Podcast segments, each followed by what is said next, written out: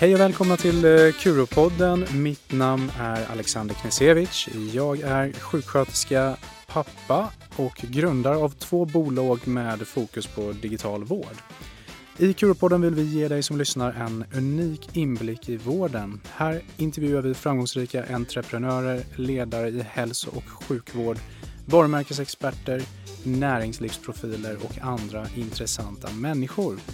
Vi bjuder på okonventionella sanningar, hemligheter och pratar om hur allt är. Men kanske framför allt om hur allt borde vara. Curopodden drivs av Curoflow som är ett företag som levererar säkra och användarvänliga molntjänster till framförallt vårdsektorn dagens avsnitt så kommer vi att eh, prata med Sören Olofsson. Sören är en eh, erfaren och välmeriterad ledare i hälso och sjukvårdssverige och har arbetat bland annat som landstingsdirektör i Stockholms läns landsting och eh, regiondirektör i Region Skåne bland många andra viktiga uppdrag han har haft under karriären. Vi är superglada att Sören är med oss här idag och eh, har några spännande frågor. Så, så varmt välkommen till Kuropodden Sören. Tack Alexander. Ja, eh, skulle du vilja berätta lite om vem är, vem är du och vad har du jobbat med? Ja, det är ju en, en bra fråga.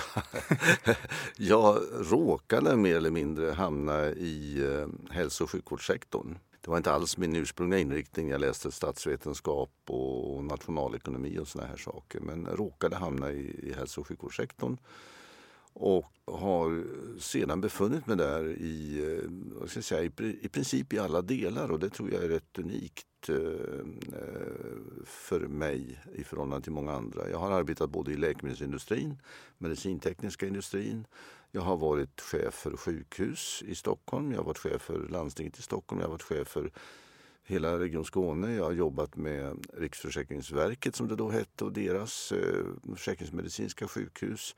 Jag har eh, varit inne på apoteket en sväng, styrelse och tillförordnad vd.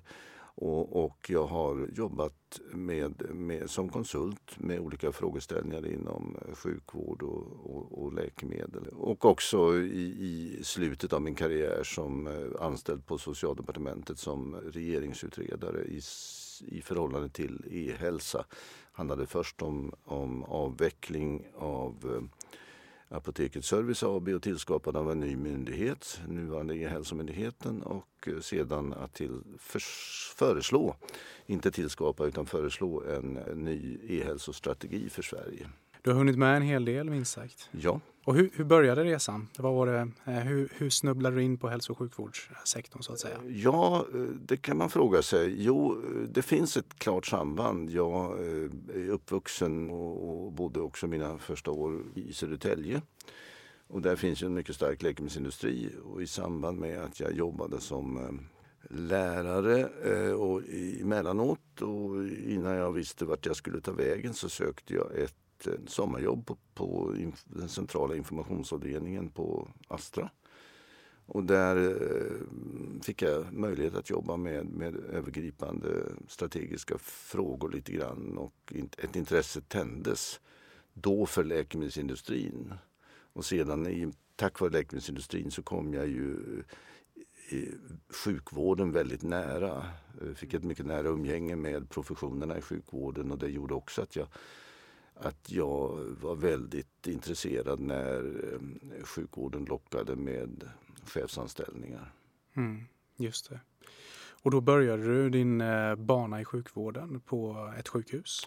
Ja, jag började med eh, Nacka sjukhus, lite lagom stort eh, men oerhört eh, produktivt och, och, och, bra sjukhus på den tiden. Och det var ju i samband med den så kallade införandet av Stockholmsmodellen. Och då var tanken från de ledande politikerna i Stockholm att man ville ha in lite näringslivsinfluenser och min bakgrund i läkemedelsindustrin tyckte man då var intressant. Så att eh, man placerade mig som chef för det då, den nybildade förvaltningen som det hette, eh, Nacka sjukhus. Sen blev det eh, byten vartannat år i princip. Eh, sen blev det Sankt Görans sjukhus och uppdraget att bolagisera Sankt Göran. Och sen blev det Huddinge sjukhus, eh, universitetssjukhuset. Och efter två år där så tröttnade lite på, på den politiska styrningen måste jag erkänna och lät mig lockas över i ett medicintekniskt företag. Vi ska faktiskt ge oss eh, ganska direkt in på just det du nämnde här, Huddinge sjukhus mm. som är ett av dagens eh, samtalsämne. Och numera så finns det någonting som heter Karolinska Universitetssjukhuset, Solna och Huddinge. Ja. Och eh, vad jag har förstått Sören så hade du en stor del i att, eh, att det faktiskt blev en hopslagning där. Ja, det kan man säga. Jag fick ett år efter att jag hade tillträtt som landstingsdirektör och det blev ett maktskifte i, i landstinget så fick den då tillträdande politiska ledningen bakläxa, i rättslig bakläxa helt enkelt på, på ett budgetförslag som skulle innebära fortsatt underskott. Och bakläxan var man får inte planera för underskott mm. i den offentliga verksamheten. Så att då fick jag uppdraget att spara hemskt mycket pengar, föreslå struktur, strukturåtgärder och andra åtgärder. Inte bara inom hälso och sjukvården utan det handlade om, eh, om kollektivtrafik och fastigheter och mycket annat också då parallellt med att jag hade inlett en väldigt bra eh, dialog och diskussion med Karolinska institutet, eh, huvudmannen för, för forskning och utbildning, så utkristalliserades en, eh, ett gyllene tillfälle att föreslå en sammanslagning av Karolinska och Huddinge. Med målet inte primärt att spara pengar men med tron att vi skulle spara pengar. Men framförallt var det att åstadkomma en större konkurrenskraft för för universitetssjukvården och den kliniska forskningen i, i Stockholm. Problemet om man har två universitetssjukhus eh, och samma huvudman eh, som finansiär blir ju att man försöker konkurrera om medlen. Lite förenklat sagt att, att fick eh, Karolinska sjukhuset i Solna en professur så, eh, eh, genom både Karolinska institutets och landstingets försorg så skulle nödvändigtvis också eh, eh, Huddinge sjukhus ha en parallell professur. Det var in, suboptimering kan man säga på hög nivå. Eh, så att det var bakgrunden och med ett kraftfullt stöd ifrån, ifrån akademin så var det ja, ganska okontroversiellt att genomföra det. Sen var ju, dök ju problemen upp när man skulle åstadkomma eh, sammanslagningseffekter och det hela. Så eh, i planeringsstadiet av att eh, slå ihop sjukhusen så, så fanns det, vad ska vi säga, en samklang. Man var överens om att det här var någonting bra, det var någonting man ville. Ja. Fanns det någon som tyckte att det här inte var en bra idé? Ja, men det är klart. Eh, landstings och regionpolitik fungerar så att oppositionen är emot och eh, den, den, den, maktkonstellationen är för. Det, det tillhör spelet på något sätt. Va? Eh, så att eh, visst, det fanns en, en mycket kraftig kritik ifrån, ifrån den politiska oppositionen. Den då borgerliga politiska oppositionen mot det här. Påhejat lite grann av, av en del personalgrupper som tyckte att, att storskalighet var lite negativt. Och man var också rädd för vad händer med vår verksamhet här i Huddinge eller här i Solna? Kommer vi att slås ihop? Kommer vi att behöva flytta eh, till andra delen av stan så att säga i vårt arbete? Så det fanns mycket förklarliga, förklarlig oro kring det men aldrig några stora, stora problem. Utan, eh, och det berodde på det massiva stödet ifrån, ifrån akademin. Mm. Och när du säger akademin så syftar du på? Karolinska institutet. Yeah men också, också, eh, också Tekniska högskolan och de strukturer det fanns ganska långt gångna.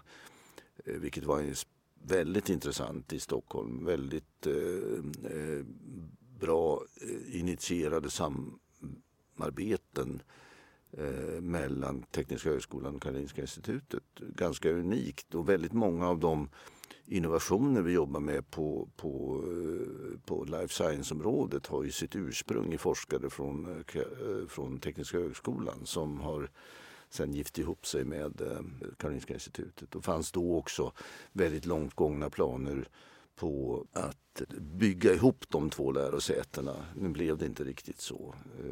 Men det här sammanhängde också med att jag hade fått uppdraget av den tidigare majoriteten, den moderatledda majoriteten, att hit, bygga ett nytt sjukhus istället för Karolinska sjukhuset i Solna. som man tyckte lät som ett, ett för gigantiskt projekt att, eh, att bygga om hela sjukhuset. Utan eh, man hade, tyckte man lärt sig av internationella erfarenheter att bygga ett nytt sjukhus skulle vara, vara eh, effektivare och bättre.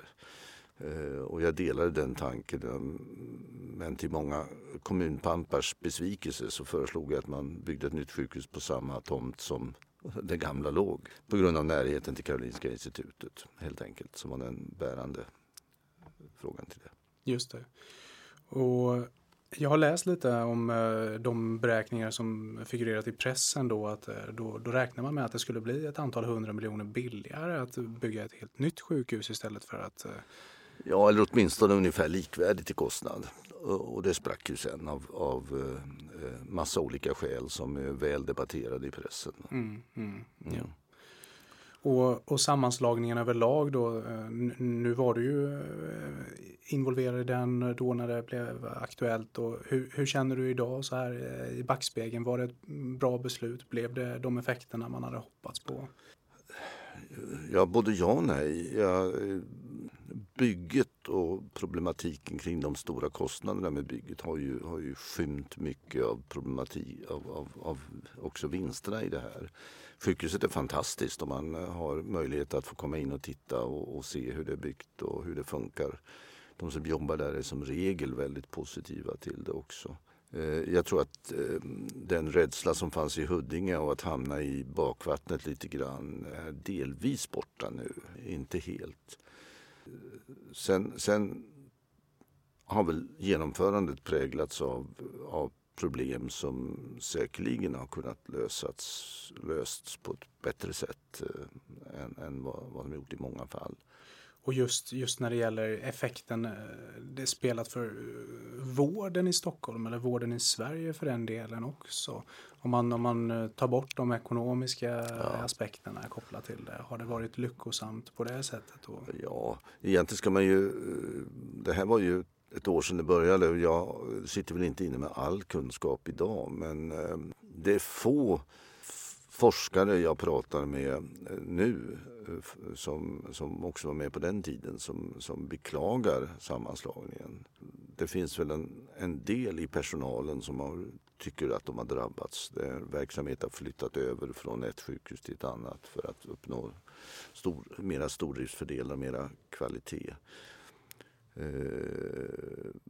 det generella problemet som ju har hanterats i särskilda utredningar i, i den svenska specialiserade sjukvården har ju varit att för många är involverade i att hantera för få patienter. Mm. Och eh, jag tror vi kan se många exempel på hur, hur eh, det här har eh, varit positivt när det gäller kvalitetslyft i, i, i specialistsjukvård, den kliniska forskningen och, och samarbetet med life science-företag. Det tror jag. Ja. Och, och, i samband med det här var det någon avdelning som, som också flyttades till Akademiska då i samband med att man eh, skulle göra den här eh, sammanslagningen då. Jag för mig har läst någonting om att eh, Brännskadecentrum skulle flyttas, till Akademiska. Man skulle inte hantera. Ja, det, det har väl inte med den här sammanslagningen att göra utan det har väl ett något senare när man har infört det här med rikssjukvård. Och Ehm, där kom väl då Stockholm ut något mera konkurrenskraftigt även om en del sviter av att man var två sjukhus som konkurrerade med varandra fortfarande levt kvar i den nationella konkurrensen. Och, och Stockholm blev av med, i, och det var efter sammanslagningen, blev av med eh, brännskadevården därför att eh, Rikssjukvårdsnämnden bedömde att Uppsala Akademiska och Linköping hade bäst förutsättningar att, att driva den vården. Har du någon åsikt om eh, att man flyttar om på det här sättet? Är det någonting som är gynnsamt för landet i helhet och sjukvården i Sverige? Eller? Det är absolut nödvändigt att göra. Eh, jag var själv väldigt aktiv som expert i, i eh, den nationella cancerstrategiutredningen till att vi eh, arbetade fram ett förslag om sex regionala cancercentra som har kommit, tror jag mig veta, att betyda väldigt mycket för, för utvecklingen av cancersjukvården. Och centraliseringen av vissa nödvändiga operationer och åtgärder. Ja, eh, intressant verkligen. Och det, det, även där finns det ju en och annan meningsmotståndare som menar på att centraliseringen av sjukvården är något negativt. Ja men, ja, men det är klart och den kommer att leva och det finns, det finns förlorare i det här och det är besjälade och duktiga läkare på mindre sjukhus i landet som har tyckt att eh, ja, men jag är väl duktig och, jag är väldigt intresserad av att, att eh, operera och hantera gynekologisk cancer för att ta ett exempel. Men där det finns väldigt tydliga eh, bevis för att generellt sett eh, det finns naturligtvis undantag, men generellt sett så är det viktigt att ha ett, ett team som opererar mycket och ofta.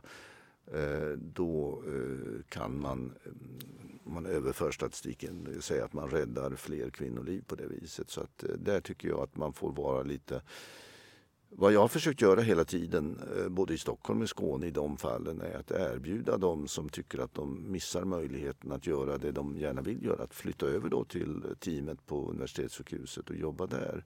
Eh, och av olika skäl har man inte alltid velat göra det. Just det. Och för, för patienterna då som kanske behöver ta sig eh, lite längre sträckor? Det tror jag man väldigt gärna gör. I det här arbetet kring regionala cancercentra hade vi med oss eh, patientföreningarna, cancerpatientföreningarna och eh, de var i väldigt hög grad för det här arbetet att, att centralisera. Och nu har man ju kommit ganska långt i samarbete, de här sex regionala cancercentra, med att på eget initiativ fördela arbetsuppgifterna. Vem tar hand om vilka eh, smala cancersjukdomar och, och eh, skickar patienter till varandra. Och dessutom eh, har man ju utvecklat det här med, med videokonferenser eh, kraftfullt och påtagligt. Så man kan säga att eh, de patienter som fortfarande vårdas, hanteras, om du tar södra sjukvårdsregionen eh, Eh, i Växjö, i, eh, i Karlskrona eller i Halmstad eh, på något sätt eh, hanteras i team som också består av, av superspecialister från universitetssjukhusen i Lund och, och Malmö. Just det. Och senare, lite senare efter eh, ditt uppdrag i eh, Stockholms läns landsting så några år senare så blev du då eh, regiondirektör i eh, Region Skåne. Ja. ja. Gör om samma sak igen ungefär ja. ja, och, ja, och hur gick det? Hur gick det till egentligen? Och det var ju Malmö och Lund på tal där. Och, och ja, ja. ja. Ja, hur det gick till att, att, att jag fick jobbet, det, det kanske jag inte ska svara Nej. på. Jag blev, blev uppringd och om, ombedd att, att komma ner. Man hade sett vad jag, vad jag hade gjort eh, för att hjälpa den politiska ledningen i Stockholm. Även om den, den ledningen i Stockholm då av en, var av en helt annan politisk färg. Det var en borgerlig allians som eh, kontaktade mig från Skåne och frågade om jag inte kunde tänka mig att komma ner. Vilket jag, vilket jag kunde. Och det var egentligen eh, samma eh, uppdrag som jag hade i Stockholm. Det handlade då inte så mycket om att man hade inte kunde klara legaliteten i, i budgetarna utan mer om att man hade en plan framtagen för att genomföra en strukturell förändring av sjukvården som var väldigt fragmentiserad i Skåne, väldigt splittrad. Och det i sin tur hade sin bakgrund i att Region Skåne var en sammanslagning av tre tidigare landsting och alla skulle ha sin del i fortsättningen också. Alla, lands, alla sjukhus skulle leva och så vidare. Och det blev en över etablering, eh, i alla fall med den tidens eh, så att säga, volymer i sjukvården.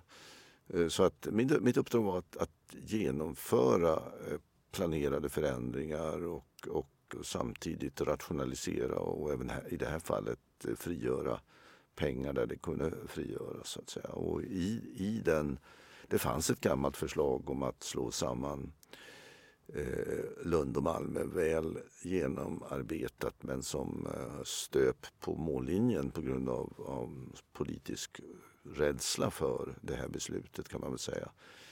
Så det lyfte jag fram igen och då gick det fram. Problemet här var att, att eh, det fanns inte, jag hade inte heller samma bakgrund hos professionerna i Skåne som jag hade i Stockholm. Så att jag kunde inte riktigt läsa av alla reaktioner. Så det blev en mycket mycket kraftfull eh, kritik och motstånd mot det här i professionerna, läkare och sjuksköterskeprofessionerna. Eh, mycket påtagligt. Mm.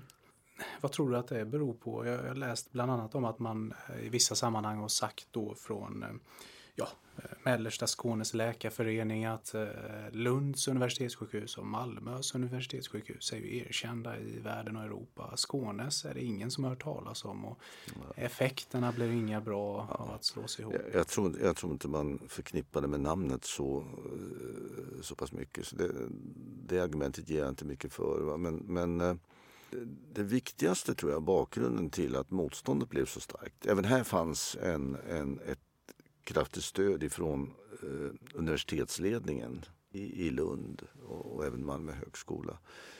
Men eh, här fanns någonting kulturellt som överraskade mig. Eh, och jag kan inte riktigt eh, svara för att det stämmer till fullo men eh, eh det uttrycktes från, från eh, många i akademin som att det var en, en, en kulturell stor differens mellan det akademiska lärosätet Lund och den gamla arbetarstaden Malmö. Så att i Lund ville man liksom inte riktigt eh, erkänna att Malmö var ett universitetssjukhus. Och eh, i Malmö var man besjälad av att, att visa att man var lika duktig och gärna peta lite och kritisera. Och, och man hade väldigt stora svårigheter att samarbeta. Vi upptäckte till exempel eh, när vi skulle slå ihop till en, ett, ett kemiskt laboratorium att eh, Clean Lab i Malmö Clean Chem Lab i Lund hade helt olika uppsättningar, termer för, för sina analyser. Och, och det är inte lätt då om, om man ska prata om att, att förbättra informationstillgången i sjukvården. Eh, att se, vad betyder det här i förhållande till det och så vidare. Det var väldigt, eh, man satte nästan en ära i att göra på olika sätt. Och och precis som, som du berättar Sören då, så, om det här motståndet och jag tycker det är väldigt intressant att, att höra eh, just eh, skillnaden då på Malmös universitetssjukhus och Lunds universitetssjukhus. Men man tittar också lite på hur hade det gått i Stockholm och hur hade ja. det gått i Göteborg? Och, ja, ja.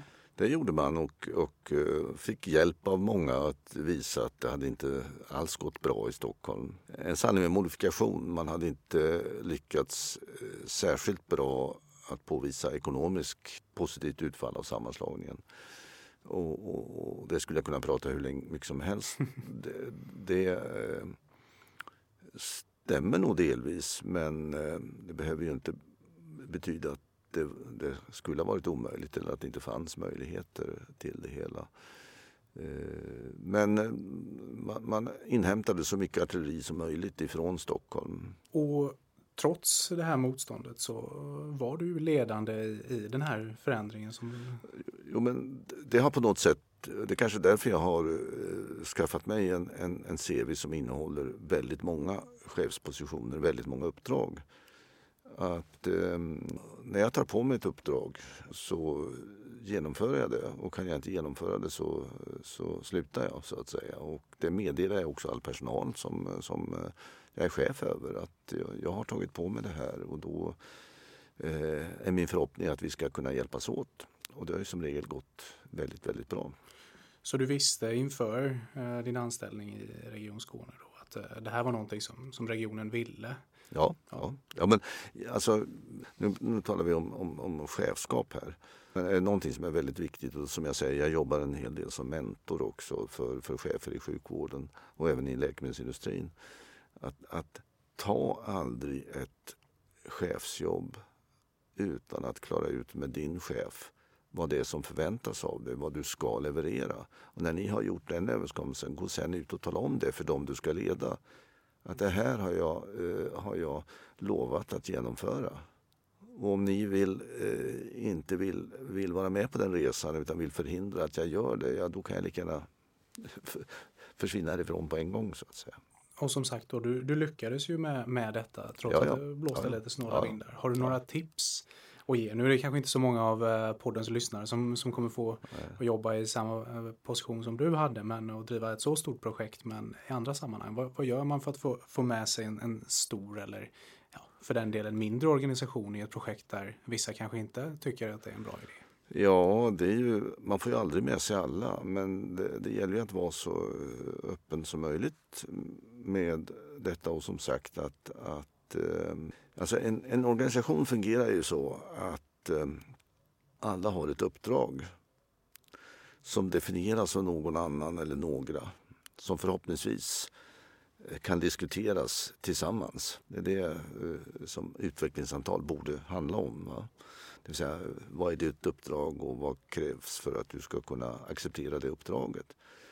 Och sen eh, sätta fast det. Och helst ska ju då de här uppdragen i den så kallade uppdragskedjan, eh, en terminologi som jag inte vet om jag har hittat på men som jag i alla fall använder, ska ju, ska ju det, de uppdragen vara lika, inte på detaljnivå men i, i, i princip. Och, och det är väl en, en erfarenhet som jag gärna vill vidarebefordra och sprida. Sen om någon länk i kedjan då inte fungerar så uppstår den här typen av missnöje ute på vårdgolvet till exempel.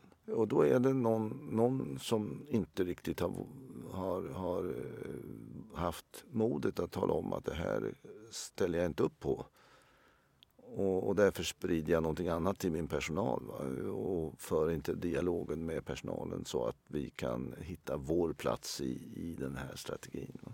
För att eh, ingenting kan ju genomföras genom, genom beslut uppifrån om man inte har haft en dialog med genom hela organisationen. Eh, som, och den fanns nog ganska bra i Stockholm. Den fanns inte alls lika bra i Skåne av naturliga skäl att jag, in, jag inte hade någon erfarenhet av den organisationen heller och hade inte hade inte etablerat förhållande med chefer ute i organisationen på samma sätt så att jag kunde bedöma, eh, är de med eller är de inte med? Och, och slutligen då eh, gällande sammanslagningarna av eh, de här fyra sjukhusen. Kort, skulle du säga så här i efterhand att ja eller nej? Var det ett bra, bra beslut att, att slå ihop sjukhusen? Det var definitivt ett bra beslut. Och däremot kanske det i till delar skulle ha kunnat genomföras på ett bättre sätt. Mm. Då går vi vidare till nästa fråga tänkte jag. Nu har vi pratat om eh, universitetssjukhus här ett tag så att, mm. eh, jag undrar lite vad, vad du eh, tycker Sören om eh, vården. Bör den drivas av staten eller bör den drivas av regionerna? Ja, du, det där är en eh, 10 000 fråga och jag måste väl erkänna att jag har pendlat under hela mitt eh, yrkesverksamma liv i den frågan. Eh, från att varit en lojal företrädare för landsting och regioner då jag naturligtvis har, har velat visa att eh, det fungerar bättre om man kan ta beslut och driva eh, sjukvården utvecklingsmässigt framåt grundat på, på regional erfarenhet, lokal och regional erfarenhet. Och där har du fortfarande argumentet för eh, nuvarande organisation. Sen, sen kan man ju se att eh, genom den mångfald av regioner vi har och där några regioner är, är väldigt små, också då små resursmässigt, så kanske vi förlorar.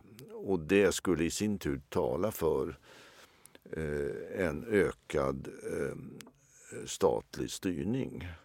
Man kan ju se goda exempel på där sådana förändringar genomförs. Danmark är ett väldigt bra exempel. Eh, där, där staten helt enkelt tog ifrån motsvarande regionerna de svenska regionerna beskattningsrätten och tillför dem pengar men med tydliga uppdrag också. Och, eh, där man ju då också har löst frågan om eh, sjukhusstruktur och sjukhusbyggen eh, genom att Eh, staten har sagt att ni får det här nya sjukhuset men bara under förutsättning att ni gör det vi säger att ni ska göra. Eh, något förenklat. Och det är klart, det här låter väldigt, väldigt eh, tilltalande men det fordrar ju också då att den statliga styrningen organiseras på ett sätt som eh, gör att den inte blir byråkratisk och vilsen och tappar förankringen till den lokala och regionala dynamiken. Va? Jag har länge trott att lösningen är att hitta bättre förhållanden mellan den politiska styrningen och den professionella eh, utövningen så att säga. Och eh, där har det ju pendlat fram och tillbaka eh, beroende på olika typer av kvaliteter. Jag, jag, jag skulle vilja säga så här, idag står jag någonstans med bevarad eh, regional struktur men dock med, jag är en stark förespråkare av de här sjukvårdsregionerna, att vi skulle gå ner till 6-7 regioner gällande sjukvården. Men med en ökad statlig styrning också. Vilket jag ju också sen eh, hakade på när det gällde mina utredningar när det gäller e-hälsa och så vidare. Där jag för, förordat en, en mycket tuffare och tydligare statlig styrning. Ja. Ja, nej, men min, min fundering egentligen eh, kring statlig eh, styrning eller regional styrning av sjukvården eh, grundar sig på hur vi kan få vården jämlik om vi har 21 mm. eget beslutsföra regioner. Nej, det, är, det är svårt. Mm. Just den delen är, är naturligtvis jättesvår och dessutom finns det ju precis som när det gäller simhallar och Folkets hus och allt man kan säga. Det, det, det, kan fattas, vilket ju nu eh, Sofia Wallström har berört i en ny statlig utredning. Det kan finnas en suboptimering när det gäller nya sjukhusbyggen och, och sådana här saker också. Ja, och du har ju också jobbat som eh, ordförande i den nationella beställarorganisationen då för samordning av arbetet med IT-strategi mm. hälso och mm. sjukvården. Då. Det var ju under tiden i eh, Stockholm, mm. som jag förstår det. Eh, och, och, arbetet med IT-strategi i, i hälso och sjukvården då också senare här i Hälsomyndigheten. Vad spelar det för roll idag? Hur viktig är digitalisering i vården idag? Ja, den är väl viktigare än någonsin och inte minst därför att eh, den ju haltar eh, påtagligt. Jag menar, vi, vi har ett allt större behov dag för dag att ha tillgång till rätt information kring patienten vid eh, rätt tillfälle, så att säga, eller vid varje tillfälle snarast. Då, där rätt, rätt aktör i vården ska ha eh, lätt tillgång till den vården. Så är det ju inte idag. Ehm, eh, och, och, och, dessutom finns det en massa andra då, problem som vi inte har löst. Jag talade, talade med min utredning då som jag lämnade ifrån mig 2015 om behovet av en ökad interoperabilitet som är ett fint ord men som beskriver att, att olika typer av system ska kunna samverka. Men det finns då tre områden som det är viktigt. Dels har du det semantiska området som vi var inne på lite grann när det gäller sammanslagning av universitetssjukhus. Det vill säga att vi kallar samma sak vid samma namn. Eh, så att inte en information från en del av Sverige eh, inte förstås en information Eh, en annan del av Sverige.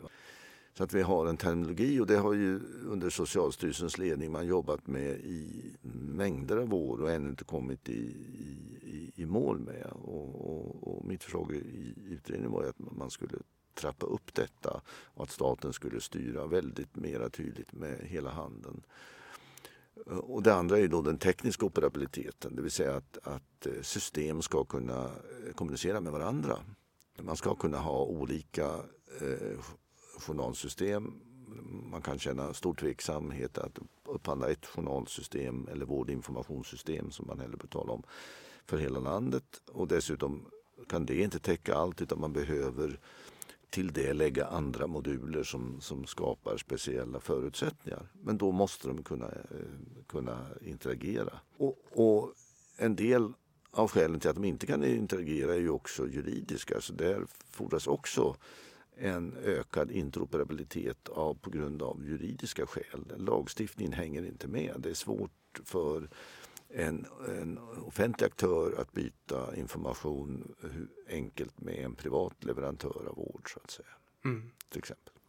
Så du är inte en förespråkare för att eh, hela Sverige ska använda ett och samma journalsystem utan lite mer som Stockholm har gått ut nu? Ja, ja, jag tycker att det, Stock, det Stockholm går ut med förefaller intelligent.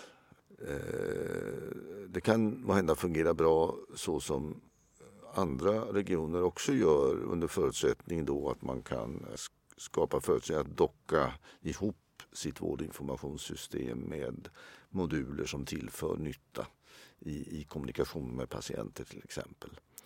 Så att jag är väldigt tveksam till en, en nationell upphandling. Eh, men, men eh, om man inte har det, och det var också det som var kontentan i mitt, mitt eh, utredningsförslag, så måste man se till att man ställer de här nationella kraven kring termer och begrepp kring eh, teknisk interoperabilitet och att man löser de juridiska knutarna när det gäller utbyte av information. Ja, och som sagt, Curopodden som vi är deltagare i idag är ju en, en podd av Curoflow och Vi levererar ju säkra kommunikationslösningar för hälso och sjukvården, eh, framförallt då i kommunikation mellan patient och vårdgivare för att underlätta eh, och inhämta information automatiserat. Och, vi levererar i vårt fall då inget journalsystem men skulle gärna ha integrationer mot journalsystem och, och har det i vissa fall idag. Men där blir det ju då en fråga om att de stora journalsystemsleverantörerna i Sverige eller Europa, de måste ju då i min mening eh, få krav på sig att eh, kunna integreras mot Exakt. eller med andra mindre moduler och system mm. för att underlätta den här typen av kommunikation mm. och funktion som vi pratar om. Mm. Är jag rätt ute i att man måste kunna kravställa det? På? Helt rätt ute tycker jag. Och du har ju en liten början på den vägen genom eh, hoppas jag och tror jag fortfarande i, i införandet av den nationella läkemedelslistan. Där förutsätter man att den ska fungera i alla informationsmiljöer. Mm. Och hur ser du på, på den, den handlingskraft som finns nu i den digitaliseringsvåg som på något sätt sveper över Sverige i mer eller mindre stor omfattning? Är, är det mer prat än verkstad eller händer det faktiskt saker och ting? Just nu är det väldigt mycket verkstad. Eh, eh, om sen verkstaden leder fram till, till ehm, rätt lösningar, det, det återstår väl att se. Eh, men precis som du säger så har väl Stockholm tagit in på en intressant väg därför att de på något sätt inser att eh, en leverantör kan inte lösa alla våra, eh, våra behov i eh, vårdinformationsmiljön utan vi ska se till att vi dockar ihop det vi behöver i, i, i en smart lösning. Det är mycket möjligt att man i Eh, både Västra Götaland, i, i Skåne med, med Särner och eh, inom eh, SUSA-gruppen eh, tänker i liknande banor. Det, det, kan jag tänka mig. Och det skulle inte förvåna mig om om eh, de leverantörer de har är, är öppna för eh, Cambio och Cerner, eh, att de är öppna för sam, att, att liksom, docka på de funktioner som man, som man själv inte har i, i sina system. Istället för att eh, tvinga fram att, att det ska utvecklas, eh, att man ska göra om, uppfinna hjulet en gång till så att säga. Ja, ja men eh fantastiskt eh, att lyssna på alla kloka insikter Sören. Vi, vi börjar närma oss eh, slutet men eh, det kan vara så att vi har en bit kvar beroende på hur snabbt du svarar på de sista frågorna. och ja, då, då kallar vi dem kort och gott för tre snabba frågor men de kan ju bli längre beroende på hur du svarar. Och okay. den första frågan är då ditt bästa råd eh, till någon som vill driva förbättring i vården, vad, vad, vad skulle det vara? ha ork och beslutsamhet. Eh, eh, framförallt skaffa eh, dig väldigt bra kunskap om hur vården fungerar och hur beslut fattas. Det finns väldigt många briljanta människor där ute eh, med briljanta idéer som inte fattar hur, eh, hur eh, man ska komma fram i det här landskapet. Som inte fattar hur beslut fattas och varför. Det är alltså en, en mycket komplicerad karta men inte omöjlig att läsa. Den består av politiker eh, som tänker på gynnar det här mig inför nästa val, lite förenklat, stämmer överens med mina visioner. Den består av eh, chefer som vill ha kontroll över, över verksamheten och består av specialister, IT-specialister i det här fallet och jurister som alla vill, vill hävda sin eh, professionella kunskap. Och ibland är ju den, den övergripande styrningen lite svag i sådana här organisationer och då kan det bli så att, att eh, det pågår eh, eh, lite maktkamp över tid mellan olika intressen här. Ja, det var ett långt svar på en ja, kort det är ja. helt okej. Okay. Så, så eh, summa summarum så, så vill man driva verklig förbättring i vården så, så behöver man egentligen hitta ett sätt att tilltala. Mm. Ja, man, man behöver först se till att, att man förstår vården. hur den fungerar, hur vårdens processer ser ut. Man bör förstå hur beslut fattas som jag sa och, och varför vissa beslut inte fattas. Eh, och eh, sen måste man då baserat på det ha en väldigt stark vilja och ork dessutom. Och nästa fråga är inte direkt kopplad till vård. Den kan vara det, men den kan också vara privat. Så då, då undrar vi helt enkelt vad, vad, vad du eh, ser som framgång för dig. Ja, det är en väldigt bra fråga. Det är många som har frågat mig den saken. Och eh, jag, jag, skulle kunna säga två saker eh, åtminstone. Det ena är att jag eh, framgång är att leverera det man har lovat sin uppdragsgivare att leverera. Är man sin egen uppdragsgivare det man har förutsatt sig att man ska leverera. Då. Och det andra mycket viktiga är att man kan eh, se och känna att man har fått eh, andra människor att växa. Kloka råd. Sista frågan. Nu blir det lite sentimentalt här, men eh, om du fick gå tillbaka i tiden när som helst i hela ditt liv och ändra en sak. Vad skulle det vara för någonting?